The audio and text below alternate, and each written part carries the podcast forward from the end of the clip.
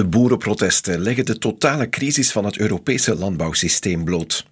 Al sinds de jaren 50 geldt de regel dat een boer zoveel mogelijk moet produceren. Hij krijgt daar subsidies voor en daar hoort een hoop administratie bij. En toen bleek dat de agro-industrie het milieu te zwaar belastte, kwamen er allerlei regels en een Green Deal bij. De boeren zitten gevangen in het systeem. In Gazet van Antwerpen zegt Chris van Marsenille dat dit niet het laatste protest zal zijn. Tot er eindelijk een beter verdienmodel voor de boeren uitgewerkt wordt en een plan voor een duurzame en concurrentiële Europese landbouw. Zelfde geluid bij Inge Gijs in de Standaard. Het Europees landbouwmodel was gericht op meer, groter en goedkoper. Een model gebaseerd op de input van geïmporteerde soja, kunstmest en pesticiden. De Boerenbond klampt zich vast aan dat versleten model. De organisatie zag de milieuproblemen al jaren aankomen, maar verzuimde een ander toekomstverhaal te schrijven.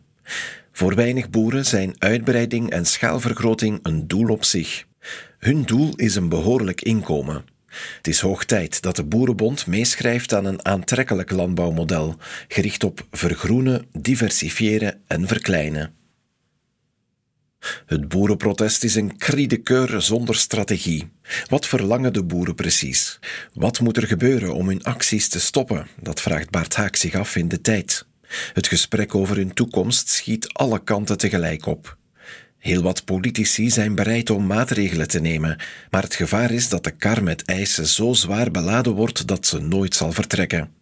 Met de huidige protesten heeft de landbouw misschien meer soortelijk gewicht in de wedstrijd, maar ook dan zou het goed zijn dat de landbouwers hun boosheid kanaliseren in concretere en gedetailleerdere vragen.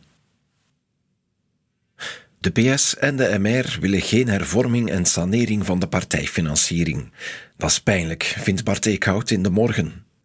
Iedereen is ervan overtuigd dat het met minder kan en er liggen goede voorstellen op tafel om het zuiniger te doen.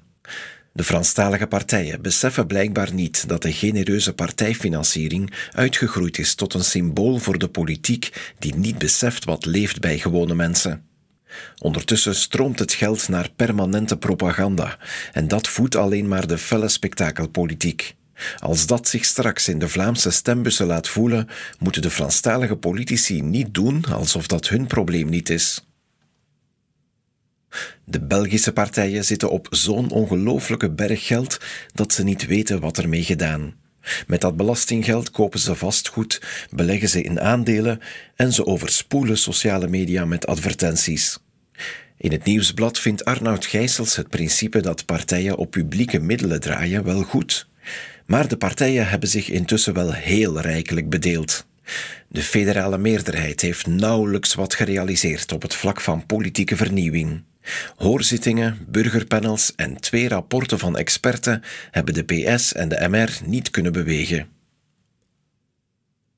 Israëlische commando's hebben in een ziekenhuis drie Palestijnen geliquideerd. Dat gebeurde niet in Gaza, maar op de westelijke Jordaanoever. Daar kwamen sinds 7 oktober al 350 mensen om het leven door Israëlisch geweld, tegenover acht kolonisten. De twee-staten-oplossing is de facto dood, zucht Guido Kloostermans in het Belang van Limburg. De actie in het ziekenhuis gebeurde door soldaten die vermomd waren als burgers en artsen.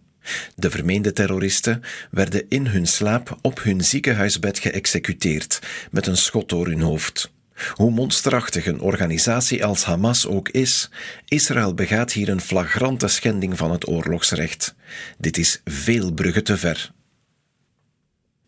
En dit waren de krantencommentaren van donderdag 1 februari.